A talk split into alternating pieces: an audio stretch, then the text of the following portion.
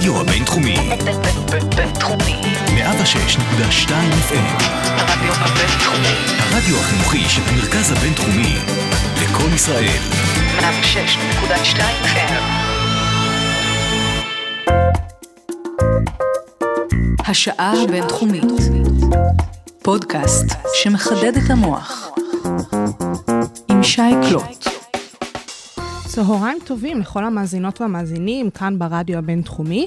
כמה כיף שהצטרפתם לעוד שעה שלנו כאן בשעה הבינתחומית, אה, כאן ברדיו הבינתחומי, 106.2 FM, תוכנית שבעצם מביאה לכם מחקרים של החוקרים והמרצים כאן במרכז הבינתחומי הרצליה. והיום יש לי כבוד ענק לקבל את אה, פרופסור בועז גנור, אה, לשעבר אה, דיקן בית הספר לממשל והיום ראש מכון ICT. אז המון תודה, בועז, שהצטרפת אליי לכאן. הכבוד הוא שלי להיות אורח שלה. לא, באמת, זה באמת מאוד מאוד מרגש אותי. גם אני התכוונתי למה שאמרתי. אז באמת, אה, כמו שאמרתי, אה, ראש מכון ה-ICT, ובעצם זה תחום ההתמחות העיקרי שלך. בואי נגיד שה-ICT לא כל אחד מה- מהמאזינים נרחיב יודע. לגמרי, ה-ICT סליחה, זה אני, המכון למדיניות כן. נגד טרור. המכון למדיניות נגד טרור, כמובן. אה, ואכן, טרור זה תחום המחקר העיקרי שלך. נכון. אה, ואולי בשביל שהמאזינים ככה יבינו על מה אנחנו הולכים לדבר, אה, המושג הזה, טרור, שלפעמים הוא מרגיש נורא שגור בישראל, וכולנו לצערי מכירים, חלקנו גם אה, נתקלנו בו בצורה אישית אה, שלא נדע, אבל לפעמים אנחנו קצת לא לחלוטין מבינים מה זה אומר. איזה קריטריונים בעצם אה, מצביעים כן. על מהו טרור. כן, יש פה עמימות מסוימת, ואת צודקת, שי, שאת אה, מדגישה את העמימות הזאת. בוודאי בארץ, אבל לא רק בארץ. נכון. בכ- בכלל בעולם.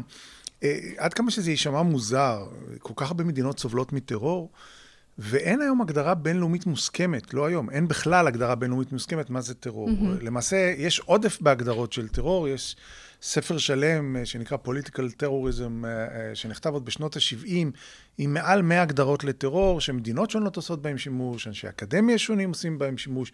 ואני באמת, חלק גדול מחיי האקדמיים, השקעתי בתחום הזה של לנסות לשכנע את העולם לאמץ הגדרה אה, ולהציע גם הגדרה מוסכמת לטרור.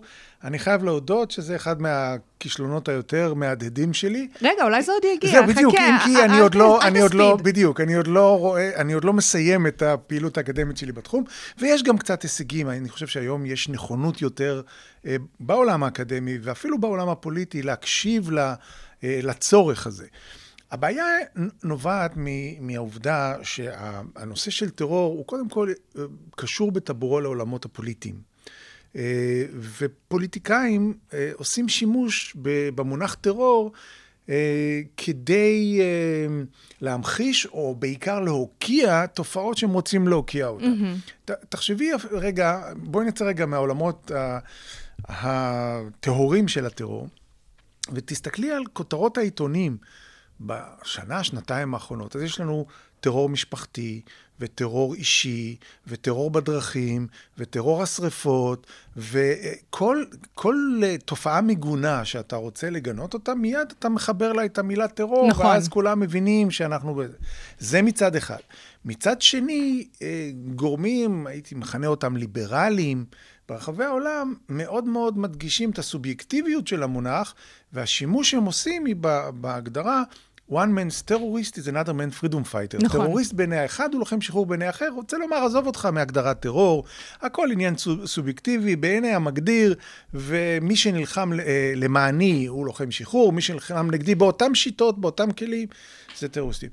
אני אה, יוצא חוצץ נגד הגישות האלה, ואני אומר, תראו, הטרור, לפחות כשאני מאמץ את האבני יסוד של מרכיבי הטרור, הגדרת הטרור שאני עושה בשימוש אומרת, הטרור זה שימוש מכוון באלימות, בואו נזכור, אנחנו מדברים פה על תופעה של אלימות פוליטית, חד משמעית. שימוש מכוון באלימות פוליטית, אה, על ידי ארגון או על ידי גוף תת-מדינתי. מדוע? כאשר מדינה עושה אלימות פוליטית זה מלחמה, או זה פשע מלחמה, או משהו אחר, אבל זה לא טרור. טרור מבוצע על ידי גוף שהוא לא מדינתי, הוא תת-מדינתי, אה, לצורך השגת יעדים פוליטיים. כי כאשר גוף תת-מדינתי אה, אה, עושה או משתמש באלימות לא לצרכים של אה, פוליטיים, לא להשגת יעדים פוליטיים, אז זה ארגון פשע, זה, זה ארגון אה, אחר, שהוא לא... מה שהופך את התופעה הזאת של האלימות, היא העובדה שהיא אלימות פוליטית. היא, היא נועדה להשיג יעדים פוליטיים, אגב, במובן הרחב של המילה. פוליטיקה, כי זה כולל יעדים לאומיים ויעדים אידיאולוגיים, וזה כולל שחרור לאומי וכן הלאה וכן הלאה, הרבה מאוד מרכיבים נכון, שאפשר להכניס בכל. המובן הרחב. והרכיב האחרון, כל זה על ידי פגיעה מכוונת ביעדים אזרחיים. אמ, משום שאני חושב שצריך לבדל מוסרית את התופעה הזאת שנקראת טרור, מול תופעות אחרות של אלימות פוליטית, אה, שאפשר לכנות אותם גרילה או אינסרג'נסי וכן הלאה וכן הלאה, ששם באמת היעד של האלימות, המטרות אולי אותן מטרות. המבצעים אולי אותם מבצעים. אבל היעד של הפגיעה המכוון הוא לא יעדים אזרחיים, אלא יעדים אה, צבאיים, אה, ביטחוניים וכן הלאה. זו תופעה אחרת. חלילה, אנחנו לא מצדיקים אותה, אנחנו לא לא מקבלים אותה. מקטינים או לא מקטינים משהו אותה. בסגנון. אבל זו תופעה אחרת. אני רואה בהחלט הבדל בין פיגוע שתוכנן וכוון נגד חייל, אה, מול אה, פיגוע שכוון אה, נגד, אני יודע מה, גן ילדים או בית ספר, ברמה הערכית-מוסרית. זה אויב וזה אויב. כישראלי, מישהו פוגע בחייל שלי, הוא אויב שלי ואני אעשה הכל כדי להילחם בו. אולי להרוג אותו לפני שהוא יהרוג את החייל, כן. זה בסדר. אבל אה, אני מצפה מהעולם שיהיה איתי שכם אחת. כאשר מישהו, ולא משנה מאיזה סיבות ועד כמה העולם חושב שהסיבות האלה מוצדקות, מישהו באופן מכוון פוגע בגורמים אזרחיים, זה כבר מחוץ לכללי המשחק, לא שלי, אלא של העולם כולו. זהו, זה משהו שעל פניו אנחנו אמורים לא לסבול, וכמו שאתה אומר, אה, שכם אחת אה, שתעמוד נגד התופעות האלה, שזה מן הסתם מדגיש את החשיבות, וכמו שאמרת, הרבה מאוד אה, גורמים פוליטיים אה, קצת מונעים את היכולת להסכים על אותה הגדרה. אה, ומעניין אותי לדעת איך הגעת לעניין הזה של להגדיר את אותה הגדרה, מאיפה זה צמח אצלך בתור חוקר, כי זה משהו שהוא מעבר למחקר, זה כבר באמת ברמה של נכון. נכון. לקחת את התופעה הזאת וקצת לשים לה סוף. זה קצת אולי מתחבר באמת להיסטוריה האישית שלי, זאת אומרת, אה, מדוע הגעתי לתחום? אגב, המאמר הראשון שכתבתי, עוד בהיותי סטודנט, היה על הגדרת הטרור. אה, כי הטרור ו- זה מושג ישן. בדיוק, וגם אז כבר לא הייתה הסכמה, אנחנו. מדברים על לפני 30 שנה, או 30, יותר מ-30 שנה. אה, ואני אגיד לך יותר מזה, אה, אה, אני עדיין נלחם באותו, באותה התלהבות. אה, ומתנפץ פעם אחר פעם מול הגלים הענקיים, גלי הצונאמי אה, של העולם האקדמי, שממש לא אוהב את העשייה שלי בתחום. דוגמה לזה קיבלתי בתחייה של מאמר שלי רק לאחרונה, על הרקע של הגדרת הטרור, אבל זה בסדר, אנחנו רצים מרתון, לא ספרינטים. אנחנו לא מדברים פה הרבה על דחיות של מאמרים, אז נחמד לשמוע גם על כאלה כן, יש תופעות גם מדי דברים פעם. כאלה, וזה לא צריך, אה, אה, זה לא, בוא נאמר, זה לא אה, אה, הקטין את ההבנה שלי או האמונה שלי בצורך ובחשיבות להמשיך ולנסות, כפי שאמרתי, להתנפץ כמו הגל הזה על, ה, על הרציף פעם אחר פעם.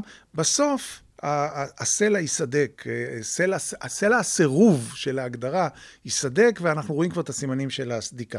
אבל חזרה לשאלה שלך, אה, אני התעסקתי בעולמות התוכן האופרטיביים של התמודדות עם טרור, אה, הן בשירות הצבאי שלי, אה, כקצין מודיעין שעסק בחקר טרור, והן אחר כך כעוזרו של יועץ ראש הממשלה ללוחמה בטרור, וראיתי עד כמה ההגדרה הזאת נחוצה לא רק מסיבות אקדמיות. ואת יודעת מה, בוא, בוא, אנחנו פה בתוכנית אקדמית, אז בואי נסתכל רגע על, על הנסיבות האקדמיות. אמ, חבר טוב שלי, שעוסק, אה, איש אקדמיה נהדר, שעוסק בחקר טרור, והוא, בניגוד לי, שאני אה, חוקר אה, אה, איכותני, הוא עשה מחקר כמותני. ותחשבי על המשמעות של הגדרת טרור וההשפעה שיש להגדרה על המחקר הכמותני שלך. ברור. כי מספיק שאתה מוציא רכיב אחד, למשל ויכוח ביני ובינו, היא אה, אה, לגבי השאלה של אה, האם יעד ממשלתי הוא יעד אזרחי? בדיוק, הקטגוריה של אזרחי. בוודאי. אני רואה את זה בהחלט כיעד אזרחי. הוא לא רואה את זה כיעד אזרחי, ולכן כבר הנתונים והמספרים והסטטיסטיקה והמסקנות יהיו אחרות לגמרי. הקווים התחתונים יראו שונה אז, לחלוטין. אז אה, הנה אנחנו רואים שוב כמה ההגדרה היא נחוצה וחשובה לעולם האקדמי, אבל גם לעולם האופרטיבי. לחלוטין. אי אפשר להגיע להסכמות בינלאומיות. בואי ניקח את, המוס, את הנושא של אה, הסתה לטרור, אוקיי? היום ברור שעם הכלים החדשים, אה, עם הרשתות החברתיות, הפלטפורמות הענקיות האלה, אתה חייב להגיע להסכמה בינלאומית מה זה טרור, כדי להגיע להסכמה בינלאומית מה זו הסתה לטרור, ואז למנוע את זה. מדוע? כי המסית יושב במדינה אחת, הוא משתמש בפלטפורמה שהיא מיוצרת במדינה שנייה, ועובר דרך סרברס במדינה שלישית, ובעצם מסית במדינה רביעית. איך אפשר להתמודד עם זה אם אנחנו לא מסכימים לגבי מה זה טרור, ולכן גם לא מסכימים מה זה הסתה לטרור? לגמרי, ואז או שלא מונעים את הטרור, או שבעצם אה, מונים לדוגמה את האמירה, אבל פוגעים בחופש ביטוי מסוים, כאשר אין. באמת הסכמה בדיוק. גורפת למה אה, בדיוק. המושג אומר.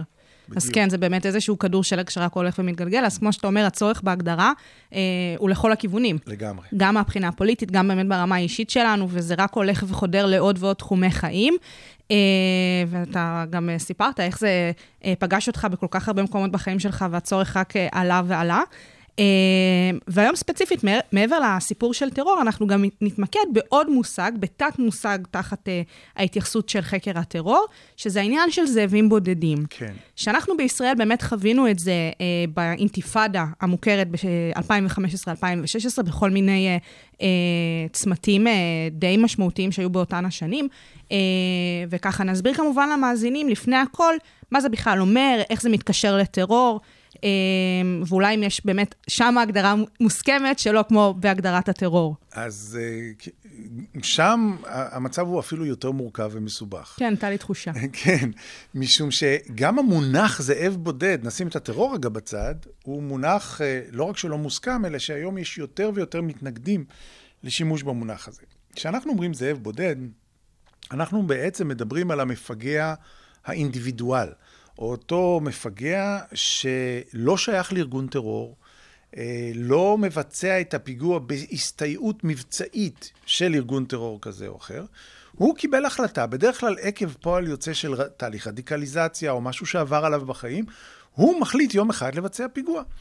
אה, ויש לזה המון משמעויות אה, אופרטיביות. מצד אחד, רוב הפיגועים האלה של מה שאנחנו מכנים אותם זאבים בודדים, הם, אה, הם פיגועים בנשק קר, הם פיגועים מוגבלים בנזק שלהם. בהיקף, בהיקף בעוצמה. שלהם ובעוצמה, אם כי יש יוצאים מן הכלל. נכון. אה, אה, כשמדברים למשל על שימוש ברכב לצורך פגיעה בקהל שמצטופף, ראינו את זה בניס, בניס. בצרפת, במקומות אחרים, יכול להגיע גם לעשרות הרוגים. אבל בדרך כלל זה כמות מצומצמת של נפגעים.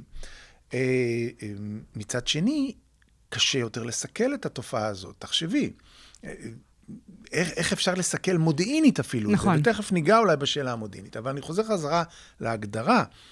אז המונח שנעשה בו שימוש זאב בודד, זה בעצם לקחת מטבע לשון שמקובלת, ו- ולהצביע על העובדה שמדובר באינדיבידואל שהוא לא חלק ממשהו גדול יותר. ואז באו מומחי טרור ואחרים ואמרו, רגע, קודם כל, דווקא זאבים חיים בלהקות. נכון. אז, אה, אז אה, אין, אין מונח כזה זאב בודד כל באמת. המטאפורות האלה, המטאפורה הזאת היא ממש מעולה. לא מתאימה. ב', גם אה, טענה מהותית נשמעה, כשאתה מסתכל על התופעות האלה של so called הזאבים הבודדים, אז אתה רואה שרובם פועלים בהשראה של ארגון טרור כזה או אחר.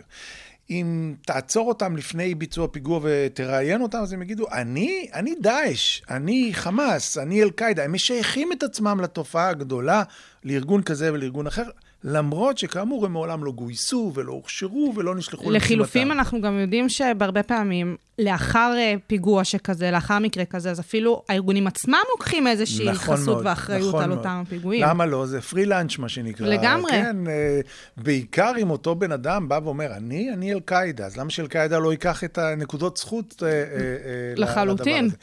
אז, אז, אז זו התופעה, והיא תופעה מאתגרת, קודם כל היא לא תופעה חדשה, זו כמובן תופעה שאנחנו רואים אותה משחר היסטוריית הטרור, אם תרצי, אה, מאות שנים. נלך קצת אה, אחורה. כן, של הזאבים הבודדים, אבל זו כן תופעה שבשנים האחרונות, בעשור האחרון, היא עולה, גם בישראל, גם בעולם. למה בעצם?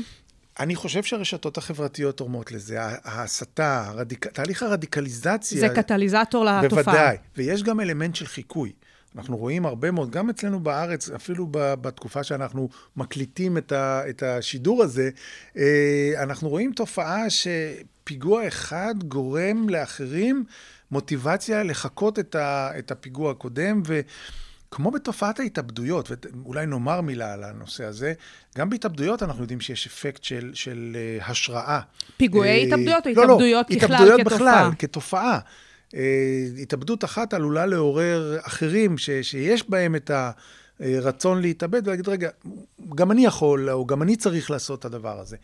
אה, ובאמת, אנחנו רואים את התופעה הזאת אה, בזאבים הבודדים. עכשיו, מאחר ואנחנו עוסקים במחקרים, אנחנו במכון למדיניות נגד טרור עשינו מחקר מאוד מאוד גדול, חודשים ארוכים, עם צוות מאוד מרשים של חוקרים, חלקם פסיכולוגים ופסיכיאטרים דוברי ערבית, אה, בהובלה של פרופסור אריאל מררי, אה, והצוות נכנס לבתי הכלא וראיין את הזאבים הבודדים האלה. אה, כשההגדרה שלנו הייתה לזאב בודד, זאב שאינו, זאב, אה, טרוריסט שאינו שייך למסגרת ארגונית, אה, הוא לא אה, אה, גויס לארגון והוא לא אה, קיבל סיוע מבצעי מארגון טרור, ויש לא מעט כאלה היום בבתי הכלא. בישראל. בישראל. המחקר היה אגב, על המחקר זרים... היה בישראל, אבל יש גם, יש גם בעולם. זהו, יש אבל- בכל העולם. בגלל זה... התופעה אולי הכי מעניינת שעלינו עליה במחקר הזה, אה, ונתנו להם מבחנים פסיכ... אה, אה, פסיכיאטריים, מבחנים פסיכולוגיים. אה, מבחני אישיויות כאלה. אישיות, מבחני אישיות, ואנחנו גילינו שיש מספר מאוד גדול של מחבלים בקבוצה הזו, שיש להם רצון למות, death wish, מה שנקרא, אה, וחלקם ביצעו את הפיגוע כדי למות. זאת אומרת, לאו דווקא מתוך מניע אידיאולוגי כן. מוטמע נכון, ומושרש, נכון, אלא נכון. בהכרח... כמובן, לא כולם. לא, לא כולם, כן, אבל אבל- אמרת הרוב, אה, ש... לא, יש כמות גדולה, אני כמות לא יודע גדולה, להצביע אם זה הרוב או לא. גם- שממש המטרה שלהם בביצוע למות, למות. הפיגוע. כן, עכשיו השאלה, אה, אה, קודם כל, זה, זה דרך נוחה למות. אתה, אתה מת כשהיד, אם בגלורי. אגב, באסלאם, כמו ביהדות, ההתאבדות אסורה. נכון. אה, זו עבירה דתית. וכפי שאנחנו יודעים, ביהדות אפילו לא קוברים את המתאבדים בתוך בתי הקברות, אלא מחוץ מחוצה. לגדר. אה, גם באסלאם, אלוהים נתן לך את החיים, אתה לא יכול ליטול אותם בעצמך. אבל מוות על קידוש השם הוא לא רק דבר אה, אה, מקובל, הוא דבר מבורך. וזה בעצם השוהדה. אה, בערבית, יש, יש הבדל בין אינתיחר לאיסטישד, בין ההתאבדות להקרבה אה, לקידוש השם. אז במידה מסוימת, מה שעולה מהמחקר זה שאולי אה, טיפול בתופעה הזאת היא דווקא דרך אנשי הדת האסלאמיים, שלפעמים אה, כותבים אה, פסקי הלכה כאלה ואחרים, בדיוק כמו ביהדות, שישנו משהו בהקשר אז- לסטיגמה שיש להתאבדות. ואז אולי ככה, זו- זו- פחות א', אנשים אני אה, מוסלמים אה, יתאבדו אה, מוות על קידוש השם. אני אוהב את החשיבה שלך מחוץ לקופסה. זו הדרך היחידה לטפל בטרור, בלחשוב מחוץ לקופסה. אבל זה מחייב אותי לעשות את ההבחנה בין אלה שאני מכנה אותם כרגע, לצורך העניין, זאבים בודדים, לבין המחבלים המתאבדים. ויש גם הבדל בין שתי התופעות האלה. המחבלים המתאבדים זה אלה ששמים על עצמם חגורת נפץ והולכים אה, להתפוצץ, בדרך כלל יש גם שיטות אחרות של מחבלים מתאבדים. הם, בניגוד לזאבים הבודדים, התגייסו לארגון טרור, הוכשרו על ידי ארגון טרור, נשלחו למשימתם. מישהו באמת בא ועזר תופעה, להם בדיוק. אה, להתעטף בכל זו העניין תופעה הזה. ארגונית. ו- ואלה באמת, אה, אם הייתי צריך לנסות ולהניא אותם מלבצע את זממם, הייתי הולך בכיוון שאת מדברת עליו. הייתי הולך בכיוון של בואו נראה איך אפשר, ל- ל- לא רוצה להגיד את המילה לגייס, אבל להתגייס ביחד עם אה, מומחי אסלאם. אה, ושהם יסבירו למה בעצם זה דבר שהוא לא נכון על פי הפרשנות הנכונה של בדיוק. האסלאם. הזאבים הבודדים, שבאמת רוצים למות, אה, אה, הם פועלים מעצם העובדה שהם או בורדרליינס, יש להם איזושהי בעיה במבנה האישיות שלהם, איזושהי בעיה פסיכיאטרית, או באמת הגיעו לאיזושהי נקודה בחיים שקצה נפשם. הגיעו מים אה, עד נפש. הגיעו מים עד נפש, לאו דווקא מסיבות אידיאולוגיות. לאו זה יכול דווקא, להיות ממש לא. אה, מריבה בתוך המשפחה ועם בן מצב זוג. או- כלכלי רעוע, לא משנה מה. כאן אין, אין מרכיב כזה גדול של, ה, של ההשפעה של המטיפים הדתיים, האסלאמים, כלי הקודש האסלאמיים. אה, זה באמת ההשפעה קטנה יותר. אז מה שיפה אולי, ויוצא מתוך השיח הזה שלנו, זה התובנה שתופעת הטרור היא מאוד מורכבת. נכון. ויש בה הרבה מאוד תתי תופעות, ולכן גם הנגזרת הטיפולית או המניעתית אה, שונה על פי ההגדרה, על פי הקלסיפיקציה, על פי הטיפולוגיה שאתה עושה לתופעות המשנה האלה של הטרור. ולכן, מחזיר אותנו חזרה לתחילת הדיון, הגדרות זה דבר מאוד חשוב כשאנחנו מדברים על תופעת הטרור. לדעתי זה יעבור כחוט השני לאורך כל השיחה שלנו. נכון. העניין הזה של אה, החשיבות של הגדרות, ולא משנה איזה הגדרה, אמרנו כבר נכון. שבטרור יש אי הסכמה, וכמובן גם בהקשר של זאבים בודדים, ואנחנו נדבר על זאבים בודדים אה, לאורך אה, כל השעה הזאת, אז באמת אה, זה יהיה ככה אה, מאוד מאוד מודגש. ובאמת פה סיפרת על העניין הזה שבמסגרת המחקר השתתפו פסיכולוגים, פסיכיאטרים, אנשי בריאות הנפש של המחקר. איך היה לעבוד פתאום מהזווית אה, המחקרית הזאת? זה משהו שאתה לא עושה כן, זה לא בדרך כלל. הדיסציפלינה שלי, ולכן אה, הדגשתי שהמחקר היה בהובלה של פרופסור אריאל מררי, שהוא פסיכולוג, הוא גם היה מנחה שלי במאסטר לפני הרבה שנים, אבל הוא פסיכולוג. אגב, בואו בוא נעשה רגע zoom out בשיחה שלנו. תופעת הטרור, וזה הדבר היפה כחוקר אקדמי בה, או בהסתכלות של חוקר אקדמי עליה, תופעת הטרור היא אולי אחת התופעות הכי בין-תחומיות, אה, בין-תחומיות, אינטרדיסציפלינריות שאפשר להעלות אותה על הדעת. חד משמעית, אנחנו בשעה הבינתחומית, אז אנחנו נדבר פה על אז הנה, הבינתחומיות תראי, הזאת. תחשבי רגע על כל דיסציפלינה אקדמית שאת מכירה, ותראי את הרלוונטיות לטרור. סוציולוגיה, פסיכולוגיה. קרימינולוגיה, משפטים, אנתרופולוגיה, הכל, הכל מדע המדינה. יחסים בינלאומיים, אפילו כימיה, אה, אה, ביולוגיה, פילוסופיה. כל הסוגיות, כלכלה, כל הסוגיות האלה, משפטים, כולם רלוונטיות לעולמות התוכן של, אה, של הטרור. ובאמת, כשאתה מסתכל על מומחי הטרור בעולם, מומחי הלוחמה בטרור בעולם, אנשי האקדמיה, הם באים מהדיסציפלינות השונות האלה. ובמכון למדיניות נגד טרור, כאן בבינתחומי, מה שאנחנו עושים, אנחנו מביאים את הכלים האלה, האינטרדיסציפלינריים והמולטי-דיסציפלינריים האלה, כדי ביחד לנסות להבין טוב יותר את התופעה, ואז גם למצוא דרכים להתמודד איתה יותר טוב. שזה בעיניי, אה, טוב, אני משוחדת, כי אני פה במסגרת התוכנית אה, אה, מאוד מנסה להדגיש את זה למאזינים, ובאמת בשיחות עם אין ספור מרצים וחוקרים כאן, רק מבינה את זה יותר ויותר, וחד משמעית גם בתוך התופעה הרחבה הזאת. אה, וכמו שאתה אומר, במסגרת המכון אתם מאוד מאוד אוהבים ועושים את אותו שיתוף פעולה מחקרי הזה, שבסופו של דבר אמור להביא לתוצאות ולשינויים של התפיסה בנוגע הש- לטרור. השלם גדול מסך חלקיו במקרה הזה. כן. וטוב, אתם מצליחים, אני רוצה להגיד כאילו על מה שתצליחו, אבל אתם מצליחים, אז זה לא כזה משנה, פשוט uh, תמשיכו uh, בתחום הזה. Uh, ומעבר לעניין, דיברנו עכשיו על הסיפור uh, של הזווית הפסיכולוגית ומחקרים פסיכולוגיים שאתם עושים. Uh, יש את העניין של המודיעין. אתה גם הזכרת את זה מקודם נכון. בקצרה, ואני אשמח שנרחיב בנוגע לזה, שפה קצת נכנס הזווית, נכנסת הזווית הממש אה, מבצעית, ביטחונית. אה, וטכנולוגית. וטכנולוגית, כן. שזה באמת אה, הרבה פעמים הזווית שישר מסתכלים בנוגע נכון. לטרור, אבל לפעמים לא מבינים מה זה באמת אומר. נכון. אז, אז זה כבר מכניס אותנו קצת יותר לעומק הדיון, ו- ו- ונצא מאותה נקודה שהיינו בה. דיברנו על זאבים בודדים, על אותם מחבלים אינדיבידואליים. איך בעצם אתה מונע טרור? בכלל, גם, גם זאבים בודדים, גם אחרים. איך אתה מונע טרור? אתה אה, צריך מודיעין. כי בלי מודיעין אתה, אתה למעשה עיוור, אתה סומה שהולך באפלה. אה, אה, המודיעין צריך לכוון אותך, והמודיעין צריך להצביע לך על כוונות של מישהו, של אדם, של ארגון, לבצע פיגוע. בלי זה קשה מאוד, רק על אה, אמצעי אבטחה, להציב אותם במקומות כאלה ואחרים, זה... אין לך יכולת לתת הגנה לכל היעדים הפוטנציאליים, שהם למעשה אינסופיים. נכון. ולכן אתה צריך מודיעין. מודיעין באשר הוא מבוסס על מה? הוא מבוסס על היכולת שלך לשקלט, ל, ל, אה, ליירט אה, שיחה בין אנשים.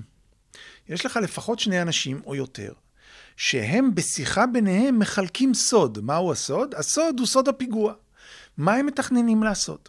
עכשיו, אתה יכול ליירט את השיחה הזאת על ידי זה שיש לך מקור אנושי, מה שנקרא יומינט, ה-Human אה, Intelligence, המקור אנושי שיושב בחדר, והוא מספר לך אחר כך, תשמע, השניים האלה מתכננים לעשות פיגוע כזה וכזה. בדיעבד. אה, לא, לא בדיעבד. לא, בדיעבד על השיחה, לא בדיעבד על המעשה. כן, ודאי, כן.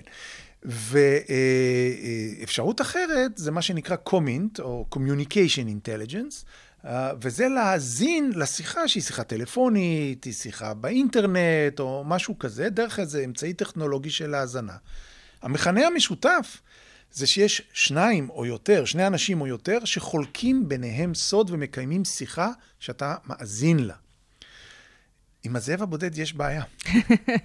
אין אה, שיחה. הכל מתחיל ונגמר במוחו הקודח של אותו זאב בודד.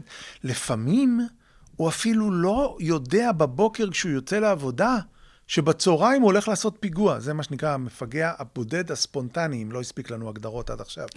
אז זה המפגע הבודד הספונטני. לא, שהוא- יש לנו רשימה ממש. בדיוק. שהוא בעצמו לא, י- לא ידע שהוא יעשה את זה, מה שהוא גרם לו. הוא נסע באוטו, הוא ראה קבוצת חיילים בארמון הנציב, ואז הוא החליט שהוא לוחץ על דוושת הגז במקום על דווק, דוושת הב- הברקס, והוא אה, אה, הורג אה, כמה שהוא יכול. מבחינה מודיעינית זה אתגר אדיר להתמודד עם זה, והמודיעין, גם הישראלי וגם הבינלאומי, מצא את עצמו אה, אה, כמעט מנוטרל מול התופעה הזאת. ואיפה המענה?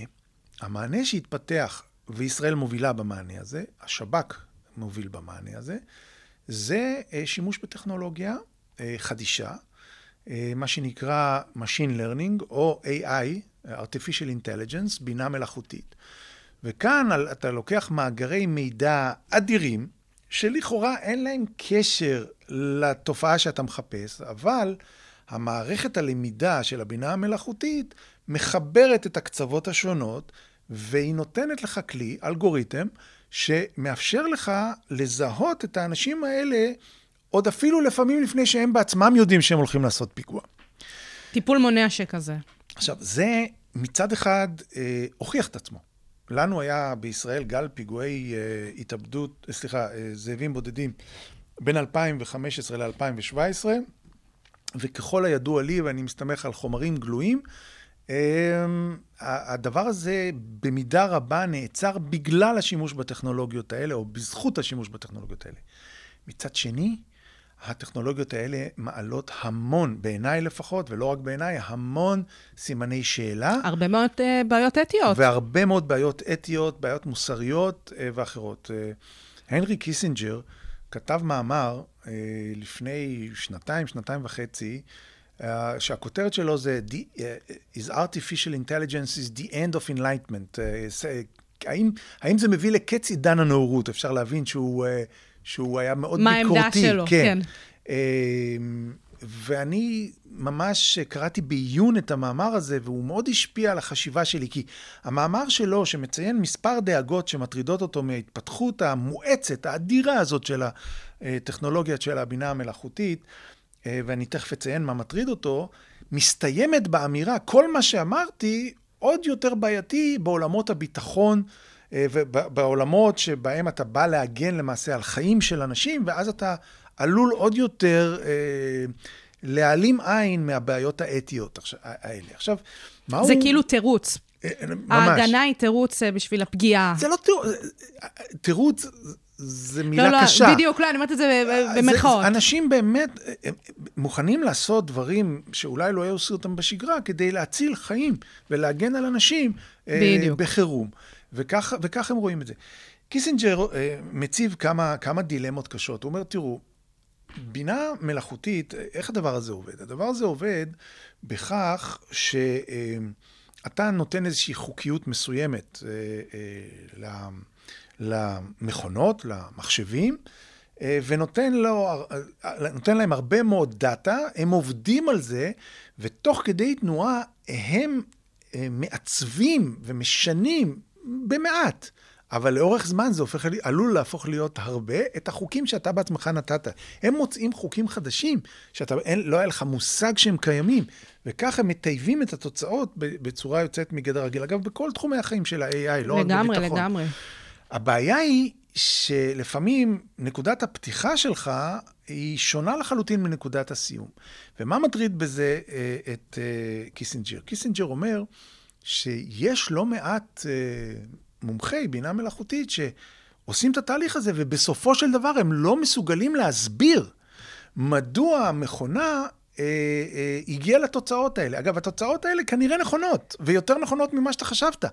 אבל הם לא יודעים להסביר איך המכונה תיקנה את עצמה כדי להגיע לתוצאות האלה. הגולם. וזה אומר דבר מאוד מאוד מסוכן.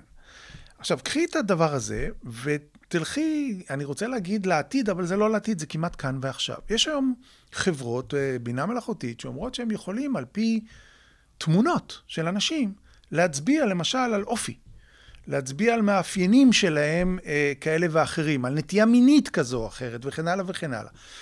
לא רחוק היום שעל פי תמונה, תמונה, אה, יבוא, אה, תבוא טכנולוגיה כזאת ותגיד, זה טרוריסט.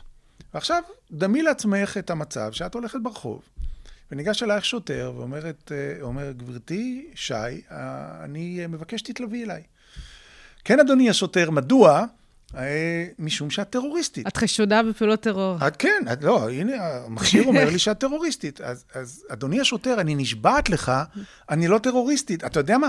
בוא הביתה, תבדוק את המחשבים שלי, תבדוק מה... תראה, אני לא טרוריסטית. גברתי שי, אני מאמין לך שאת לא טרוריסטית, אבל מה אני יכול לעשות? המחשב אומר לי שאת טרוריסטית, אז יכול להיות שאת עוד לא יודעת, אבל את תהיי טרוריסטית, ואנחנו צריכים לפחות לבדוק את העניין, צריכה להתלוות אליי. עכשיו, זה נשמע דמיוני? זה ממש לא דמיוני, זה דבר שבהחלט עלול להתרחש בעתיד. אה, וכשזה עוסק בנושאים שהם לא חיי אדם, זה סיפור אחד. כשזה עובר לנושאים שהם חיי אדם, אנחנו בעולם תוכן אחר ובעייתי הרבה יותר. אבל נגיד, אתה נתת פה דוגמה שהיא היפותטית לחלוטין, משהו שאפשר לדבר עליו בתיאוריה. אבל אה, אי אפשר להתעלם מזה שלדוגמה אה, ב- בישראל, במסגרת מדיניות ביטחון כזאת או אחרת, אפילו היום בשטחים, אפשר לקחת אדם שעל פניו הוא חף מפשע לחלוטין, ולעכב אותו לחקירות כאלה ואחרות, לעצור אותו מעצרים מנהליים, כן. הכל בשביל אה, לבדוק חשדות אה, על מעשים שאולי טרם בוצעו בכלל. אה, נטו מתוך אה, דברים עתידיים שייתכנו שיקרה. אגב, זה לא רק בשטחים, זה גם יכול להיות בתוך מדינת נכון, ישראל, נכון. וזה לא רק על רקע של טרור, זה יכול להיות גם על אה, היבטים אחרים נכון, לגמרי. נכון, זאת אומרת, התופע, התופעות האלה כבר קורות. נכון. מה זה משנה אם זה קורה על רקע של איזשהו מודיעין שמגיע דרך אותה בינה מלאכותית, או אה, על רקע דברים שאלה, אחרים? שאלה נהדרת, ו- ואני חושב שיש לה כמה רמות של תשובה. קודם כל, ההיקפים. Mm-hmm. אה, כאן אתה עלול להגיע למספרים. אדירים, כי המערכות האלה עובדות בהיקפי מידע של אה, טריליונים, אה, אה, ואז אתה יכול להגיע לכמות גדולה מאוד של אנשים, ועוול קטן יכול להיות עוול מאוד גדול. אני חייב כל הזמן להגיד גם את הדבר ההפוך. הצלחה קטנה יכולה להיות הצלחה מאוד מאוד גדולה. חד משמעית. ובהיקפים גדולים, וזה קורה, וזה מוכח. הדבר השני זה ש... פה אולי, אני עושה ספקולציה, כי אין לי מידע בעניין הזה, אבל אני חושש שמערכת המשפט לא יודעת עדיין איך להתמו, לאכול את, ה, את טוב, המידע הזה. טוב, הרבה פעמים המשפט אה, אה, מפגר אחרי המציאות. כן, זה אבל, מה שקורה. אבל, אבל פה אני, אני אומר אה, הפוך, זאת אומרת, אה, במצב שבו אה, מידע מהסוג הזה, מידע מפליל מהסוג הזה, יגיע ממערכת של אה, טכנולוגיה מתקדמת כזאת ותוצג בפני שופט עתידי, השאלה אם השופט, א', לא ילך שבי אחרי הטכנולוגיה הזאת, כי מוכח שהטכנולוגיה הזאת עובדת נפלא, אז, אז מה הספק? הוא לא יערער על כך. היא כבר הצביעה שהבן אדם הזה הוא טרוריסט, או הולך להיות טרוריסט, או הולך לבצע פיגוע. וגם אני אתן לך דוגמה, בעוונותיי, אני גם ייעצתי לחברה אה, טכנולוגית בפאלו אלטו של חבר'ה צעירים, אה, ומה שהם עשו, הם לקחו אה, קטעי וידאו mm-hmm. של פיגועי טרור, הרבה מאוד קטעי וידאו, והזינו את זה לבינה מלאכותית שפיתחה את זה, והבינה היום יכולה לתת התראה לפיגוע, מספר שניות לפני הפיגוע, אדם בהמון, שמצולם, להגיד שהאדם הזה הולך לעשות מצלמות פיגוע. מצלמות אבטחה בכל מיני מקומות. מצלמות אבטחה שמצביעות. עכשיו, עשו כל מיני בדיקות וזה, והמערכת עובדת. ואני שאלתי אותם, תגידו לי, איך? לפי מה? האם המצלמה רואה שהבן אדם, אני לא יודע, יש לו איזה עוויתות בעיניים מזיע, באותו רגע? אולי כן. פולט, אה, הוא חום. מזיע, הוא, הוא, הוא קופץ מרגל לרגל, כן. וכן הלאה. וואלה, אין לנו מושג. הוא אנחנו פשוט- לא יודעים. כן, הוא כנראה אבל נראה, המערכת, כן. המערכת יודעת. הנה, הוכחה. לא יודע, כשמדובר על לקחת בן אדם ולהכניס אותו לכלא על העובדה הזאת, לי קשה קצת עם הדבר זה הזה. כמו פרק של מראה שחורה. נכון. זה נכון, ממש זה. נכון, זה אה, מראה שחורה בכלל, סדרה מדהימה בעיניי. פנטסטית. כן. מה שהיא עושה, היא לוקחת טכנולוגיות של היום, ועוד יותר טכנולוגיות, אה, אה, לאן הם עתידיות, התפתחו, כן. והיא תמיד לוקחת את זה למקום השלילי, להראות לאן, ל- לאיזה מצב מסוכן זה עשוי להביא. נכון. אנחנו קצת חוטאים לטכנולוגיה, אנחנו במוסד גם שמאוד אוהב טכנולוגיה. נכון, וגם ספציפית אה, פה, כמו שאתה אה, מרבה להזכיר, מדובר כאן אה, על אה, מעשים שפוגעים בחיי אדם. כן. מראה שחורה הרבה פעמים מתעסקים בדברים קצת שונים, ריאליטי, מראה, רשתות חברתיות במובן של דימויים, אה, דימוי גוף, דימוי עצמי וכדומה. נכון. בסופו של דבר, כשזה מגיע וחוזר לנקודה של חיי אדם, ההסתכלות שלנו היא תמיד מאוד שונה. לגמרי. והיכולת שלנו להגביל זכויות ואינטרסים אל מול... הנכונות ב- שלנו בדיוק. היא, היא גבוהה יותר. היא גבוהה יותר. כן, כי אנחנו מגינים על חיי אדם. אני לא אומר את זה בציניות, לא, אני לא, אומר לא, את זה גם אני באמת לא. ב, באמונה שלמה. אנשים נפלאים עוסקים במלאכה. אז מה הפתרון? הפתרון זה יותר checks and balances. הפתרון זה באמת, אה, למשל, אה, לא להרשיע, ולא שאני טוען שזה קורה כיום, אני לא חושב שזה קורה כיום, אבל בוודאי לא להרשיע על סמך אה, מידע שהתוצר שלו זה בינה מלאכותית, אלא תמיד לצפות שיהיו גם ראיות תומכות אחרות יותר בעולם המוחשי והנכון של היום. אה, להשתמש בבינה המלאכותי- המלאכותית, וזה כן נעשה היום, אה, לצורך אה, התראה, לצורך דיבור עם המפגע הפוטנציאלי, עם המשפחה שלו, ועל ידי כך אולי למנוע את הפיגוע. אפשר לעשות עם זה הרבה מאוד אפשר דברים. לעשות עם זה הרבה מאוד דברים, ובאמת המחקר הזה שעשיתם על הסיפור הזה של המודיעין והשימוש בבינה מלאכותית, זה נעשה איכשהו אה, אל מול אה, כוחות הביטחון בישראל? אה, באמת אה, בדקתם אה, במה כוחות ביטחון משתמשים, עושים שימוש, או הכל כזה נורא מסווג? אז זהו, הכל הוא נורא מסווג, אבל קודם כל זה לא נעשה עם כוחות הביטחון, ואני גם לא בטוח שכוחות הביטחון מאוד אוהבים את המחקר הזה, הספציפי שלנו.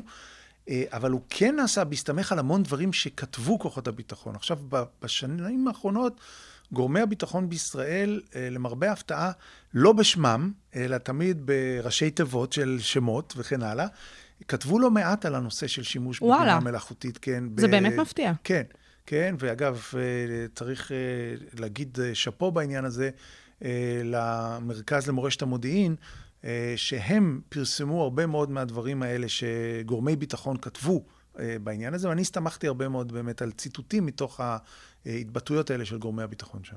זה באמת אה, שינוי מבורך, אה, גם אם זה לא נעשה באופן ישיר, אה, גם אה, דרך אה, דרכים אה, קצת עקיפות. זה עדיין בסופו של דבר מאוד עוזר למחקר אה, במובן האקדמי, אבל בסופו של דבר זה כן חיי אדם, גם של אה, המפגעים הפוטנציאליים אה, וכמובן של אה, כולנו. קודם כל אה, של כולנו, אחר כך של המחבלים בוודאי, הפוטנציאליים. בוודאי, וזה פשוט אה, תחום מרתק. לא משנה מאיזה זווית נכון. מסתכלים עליו, מזווית של טרור, או באמת אה, מזווית מאוד יומיומית, הסיפור הזה של בינה מלאכותית. איכשהו תמיד מגיעים לבינה מלאכותית בשיחות כאן, כי זה פשוט באמת. קורה בכל, בכל תחום.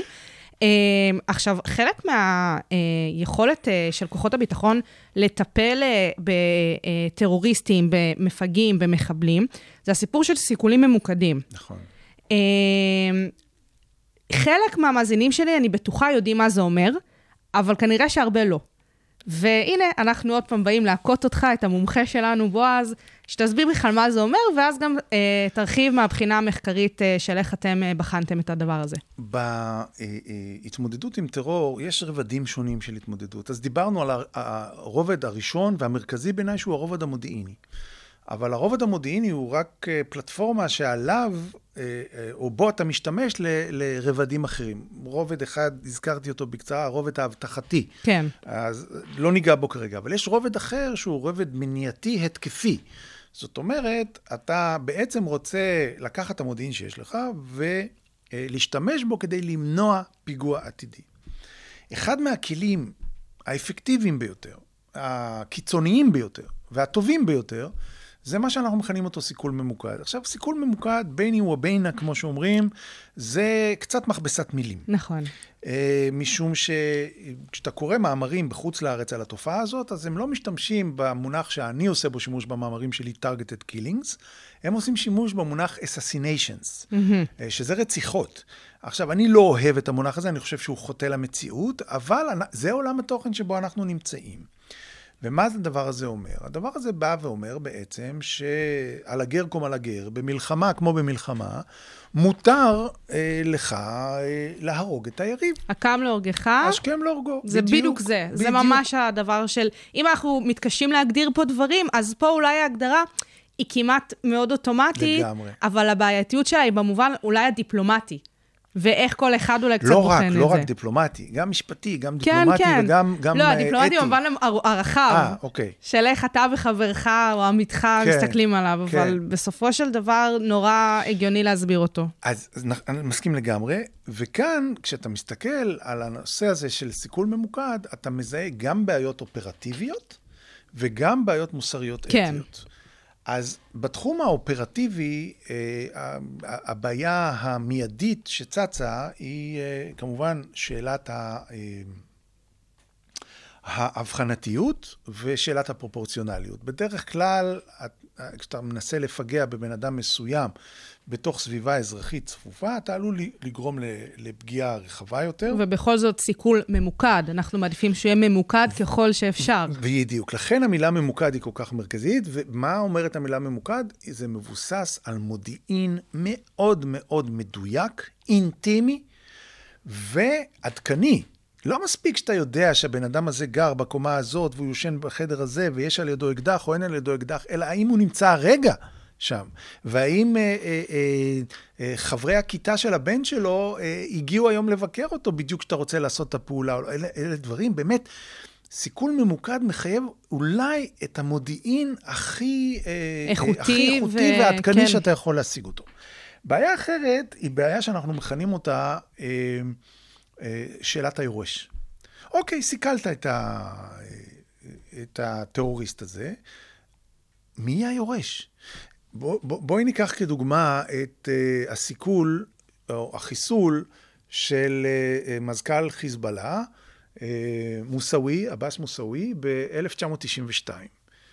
Uh, אז קודם כל, תופעה אחת נגזרת, אנחנו קוראים לה אפקט הבומרנג. Uh, בתוך כחודש ימים אחרי זה, העלינו את המוטיבציה של היריב לבצע פיגוע נגדי, והם אה, אה, עשו מכונ... ביצעו אה, פיגוע מכונית תופת בשגרירות ישראל בבונוס איירס, עם הרבה מאוד נפגעים נכון. והרוגים. פתאום כשאתה בוחן את מאזן האפקטיביות, אתה שואל, רגע, רגע, האם זה היה כדאי או לא? אני לא נוקט עמדה פה. והשאלה היותר בעייתית זה באמת שאלת מי היורש, כי אם את שואלת אותי היום, ברטרוספקטיבה, הייתי בשמחה קונה את אה, אה, קיומו של עבאס מוסאווי כמזכ"ל חיזבאללה, ולא של יורשו חסן נסראללה. שלדעתי הוא אה, אה, הרבה יותר מסוכן ויעיל מבחינתה מאשר, מאשר קודמו. באמת מרגישים שבשנים האח- האחרונות זה הולך ופוחת, אולי על רקע הדבר הזה באמת. בישראל כן. ארצות הברית מאוד פעילה בתחום הזה. זה נכון. ואנחנו רואים את זה הרבה שם. עכשיו, זה, אלה השאלות האופרטיביות. יש גם שאלות מוסריות, יש שאלות חוקיות. המתנגדים לסיכול ממוקד באים ואומרים, זה עונש מוות ללא משפט. זאת אומרת, יש רבים שמתנגדים לעונש מוות כפי שהוא, אבל זה אחרי הליך שיפוטי. איך אתה וכי יכול זה קבוע ליטול... בחוק. כן, איך אתה יכול ליטול חייו של... עכשיו, אנחנו עוד מדינה שאין לנו בספר החוקים, נדמה לי יש רק בספר החוקים הצבאי, אבל אין לנו בספר החוקים עונש מוות. ודווקא מדינה שלא משתמשת בעונש מוות, לוקחת לעצמה את הזכות אה, אה, לבצע עונש מוות בפועל בלי הליך שיפוטי. ובכן, אני לא, אמנם אני הבאתי את הטענה הזאת, אני לא מקבל אותה, אה, משום שהמצודדים בסיכול ממוקד, ואני ביניהם, אה, באים ואומרים, תראו, זה לא ענישה בכלל, אין פה אקט של ענישה. אתה לא עושה סיכול ממוקד כדי לסגור חשבון עם מישהו על משהו שהוא עשה בעבר. זה אקט אופרטיבי פרו-אקטיבי. הרתעתי במובן מסוים. שמסתכל קדימה ובא למנוע פיגועים עתידיים. זה אדם שאו עכשיו מעורב בביצוע פיגוע, או שבאופן שוטף מייצר פיגועים, ואתה מעריך שהסיכול שלו בעצם ימנע פיגועים קונקרטיים. אז אתה בעולמות התוכן של המלחמה, האופרטיבי, ולא בעולמות התוכן של המשפט הענישתי בתוך הדבר הזה. אה, זה בעצם הדילמות המרכזיות שנמצאות. עכשיו, אתה כאילו מדבר על זה מהזווית אה, אה, התפיסתית, אתית אה, וכדומה. יש עוד איזה מובן, אם אנחנו מסתכלים לדוגמה אה, על אה, ראשי אה, הפיגועים והבאמת... אה, אה, מעשים מזעזעים שהיו לדוגמה במלחמת יוגוסלביה של שנות ה-90, אז מדובר על ראשים של מדינות, צבאות אה, קיימים. וכאן מדובר באמת על אה, ראשים של אה, ארגונים. כן. שהם לא באמת ראשי מדינה, קצת יותר בעייתי לדוגמה, לעשות איזשהו משפט בינלאומי בכל הטריבונלים המשפטיים שאנחנו מכירים, בהאג או מה שזה לא יהיה. זה נכון. יש פה עוד איזה עניין. אבל אם לא הייתי נאיבי מספיק... גם משהו מבני כזה אם שמקשה. אם לא הייתי נאיבי מספיק בשיחה שלי איתך היום, אז הנה, אני אוסיף עוד... אה, עוד נדבך. עוד נדבך של נאיביות. זה נכון, כשאת מצלמת את תמונת המצב היום, אני סבור שעל בסיס, הנה אנחנו חוזרים, הגדרת הטרור, צריך להגיע לאמנות בינלאומיות מוסכמות של מה מותר ומה אסור בהקשרים של טרור, ואז לפתח טריבונלים משפטיים בינלאומיים שיעסקו באמת בענישה של טרוריסטים בינלאומיים. כמו שאנחנו רואים את זה בהקשרים של מנהיגים שמבצעים פשעי מלחמת טרור, בסוף זה סוג מסוים... מדינות או לא מדינות, זה לא באמת משנה. זה, טרור בסופו של דבר, מבחינה נורמטיבית, מבחינה מוסרית, הוא סוג של פשע מלחמה. ולכן, כשאנחנו נסכים על הגדרה של מהו טרור ומכאן מיהו טרוריסט, הרי שאנחנו יכולים לצפות שהעולם גם יפעל במשותף משפטית נגד התופעה הזאת של הטרור. העולם וארגונים בינלאומיים כן. ומה שזה לא יהיה, ובסוף נחיה באיזושהי אוטופיה וכולם יאהבו את כולם ושלום עולמי. לא ו... שזה לא קיים היום, תראי, חלק מהמאזינים יגיד, רגע, אבל יש גם היום. מה, אין היום אה, אה, ועדות אה, נגד אה, טרור של האו"ם? אין היום החלטות אה, של מועצת הביטחון נגד טרור? אני אומר, כן, זה קיים, אבל כשאתה בודק את זה לעומק, זה הרבה מאוד uh, מס שפתיים, זה הרבה מאוד התפלפלות משפטית כזו או אחרת, ובסוף, uh, כשאני כותב, הנה, אקדמיה, כשאני כותב ספר, הספר שלי, Global Alert, וה-case study שלי, uh, זה uh, חמאס, ואני טוען בספר, אני, אז פעם ראשונה, אני חושב, מישהו כותב על, את המונח, את ההגדרה, ארגון טרור היברידי, ארגון טרור ששולט על טריטוריה ועל אוכלוסייה. ואני אומר, תראו, ארגון טרור היברידי... עוד מושג, יוצר, כן. יוצר מצב, אה, מצב אה, עמום, אה, ותחת ההסוואה הזאת של ארגון טרור היברידי, הוא למעשה מבצע פעילות פסאודו-לגיטימית, ואז העולם מתחיל להתבלבל. מה זה ארגון טרור, לא ארגון טרור, זה ממשלה, זה דאווה, זה וכן הלאה וכן הלאה. ואני לוקח את הדוגמה כחמאס, כ-case study, ואחד ה-reviewers כותב, א', אני לא מבין מה זה ארגון טרור היברידי, מאיפה המונח הזה. מה שלפת לנו גם הפעם. שהיום, אגב, זה מונח כבר מבוסס ושגור לגמרי. וב', הוא אומר, חמאס... זה בכלל לא ארגון טרור. איך חמאס יכול להיות לא המודל של ה-case study של ההצעה כאן, של הספר, חמאס is a questionable terrorist organization. עכשיו, בעצם הביקורת, הוא הצדיק את הטענה המרכזית שלי, ובאמת בסופו של דבר ההוצאה לאור קיבלה את זה. הוא הצדיק את הטענה ש, ש, שזה בדיוק השימוש שארגוני טרור היברידיים עושים במונח ההיברידי, או במהות ההיברידית הזאת שלהם. שזה באמת... אה, אה... מרתק בעיניי כ, אה, כתפיסה, ועוד פעם, אני מרגישה שספציפית כאן בישראל אנחנו כל כך חיים את זה, שאנחנו יכולים לבוא לכל המבקרים שלנו מבחוץ ופשוט להישאר פעורי פה ביחס לתהייה כן. שלהם. אה. או להתעצבן. כן, בסדר, או-או-או. אנחנו כן. לחלוטין נאפשר את כל התגובות.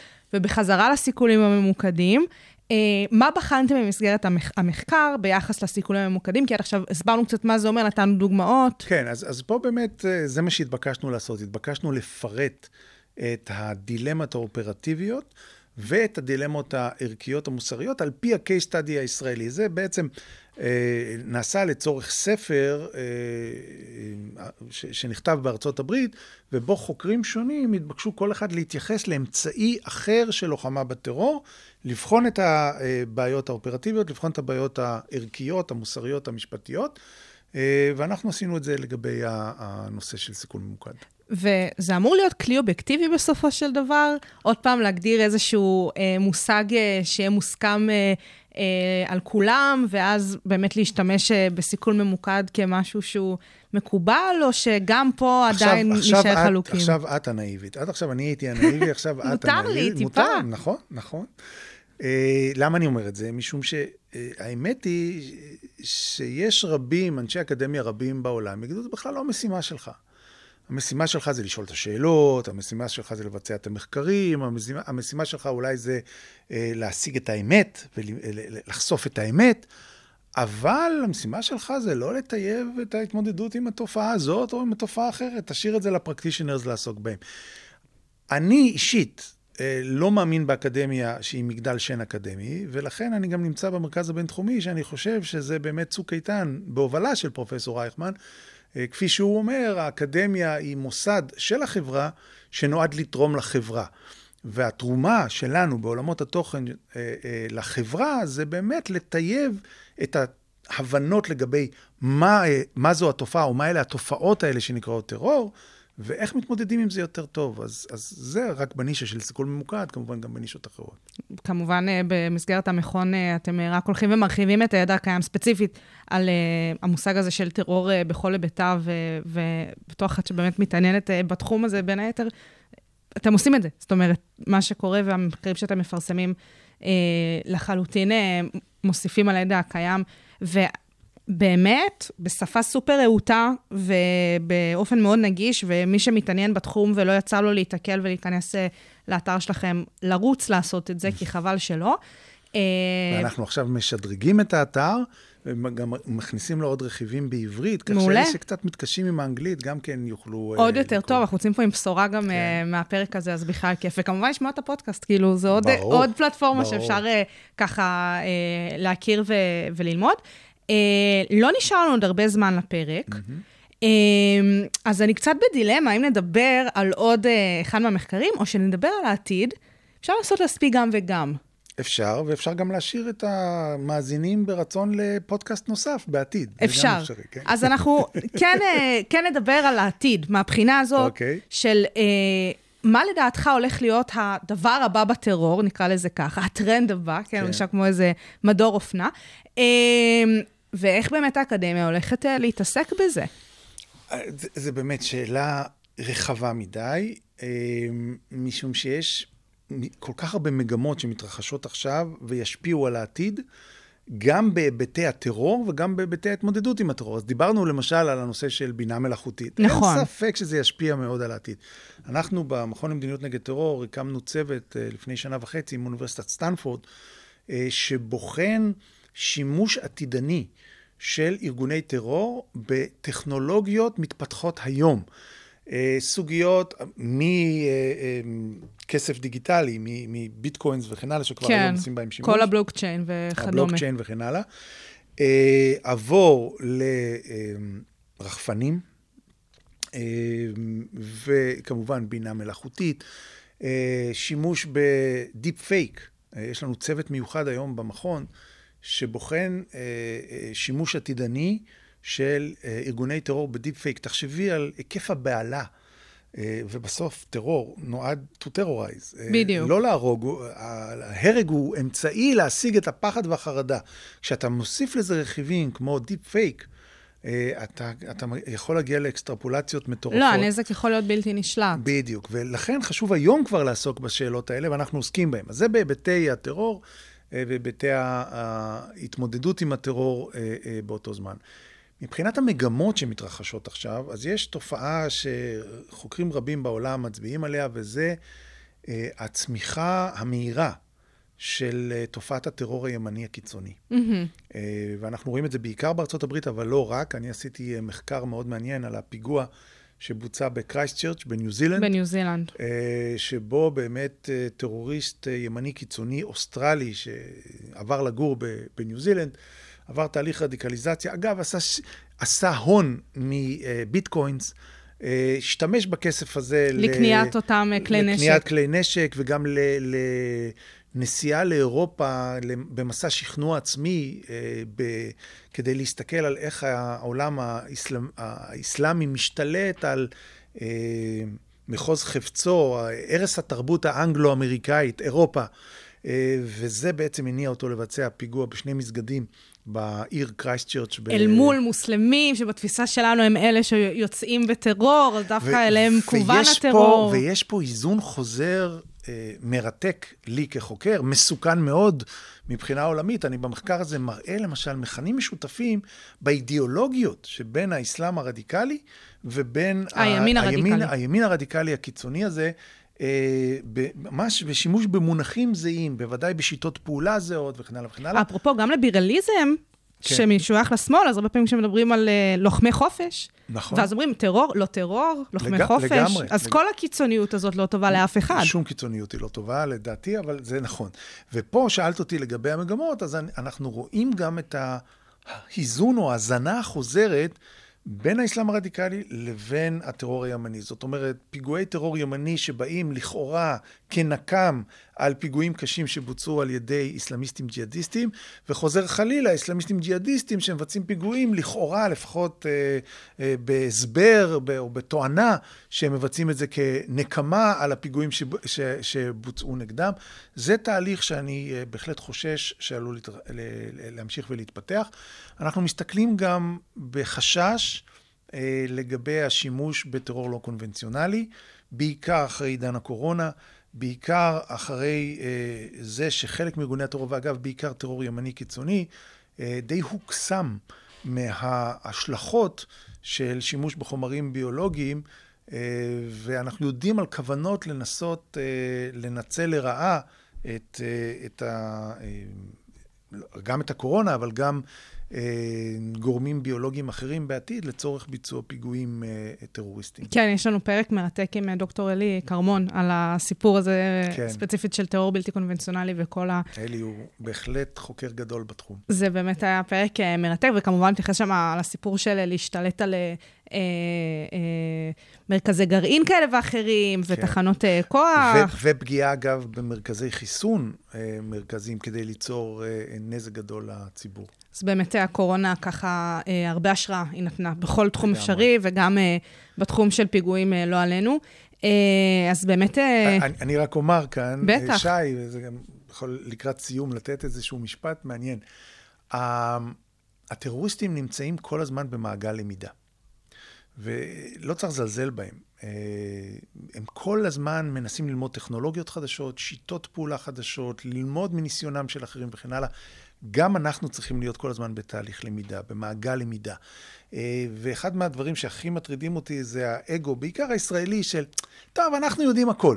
אה, עזבו אתכם, אנחנו כבר יודעים, תסתכלו עלינו, שופוני וכן הלאה וכן הלאה. לא, צניעות. התהליך הזה הוא תהליך אבולוציוני, הוא משתנה כל הזמן, זה היופי המחקרי שלו. אה, זה לא שפעם אחת חקרת, למדת, וזהו, אתה מבין. לא, התופעה משתנה, גם אתה צריך להשתנות, אתה צריך לפתח את המחקר שלך כדי להיות מסוגל להתמודד עם המגמות הבאות שיצוצו בעתיד. באמת, גם אה, כמו שאמרנו לאורך כל השעה הזאת, הסיפור של הרב-תחומיות והבין-תחומיות מוסיפה עוד יותר על הזווית הזאת. והלמידה. והלמידה. בואו ללמוד בתוכניות שלנו, כי המרכז הבינתחומי מוביל בעולם. אני אומר בבדיחות הדעת, אל תתפסו אותי על זה, רוב הטרוריסטים בעולם מתפללים עם הפנים למכה, רוב ה counter-terrorist בעולם מתפללים עם הפנים להרצליה. זה החלוקה בעולם.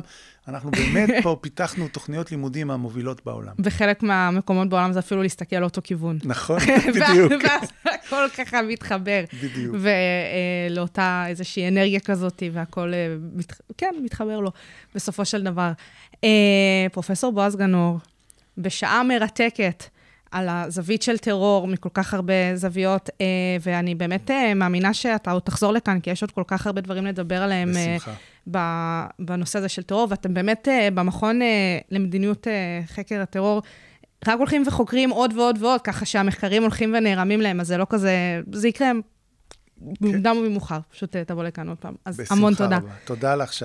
איזה כיף. וכמובן למאזינים שלנו והמאזינות, המון תודה שהייתם והייתן איתנו כאן בשעה הבינתחומית, אה, ברדיו בינתחומי, 106.2 FM. את התוכנית הזאת, תוכניות נוספות, אתם מוזמנים להאזין להן אה, באתר של הרדיו הבינתחומי, באפליקציה, וכמובן שבכל אפליקציות הפודקאסטים הקרובות לביתכם.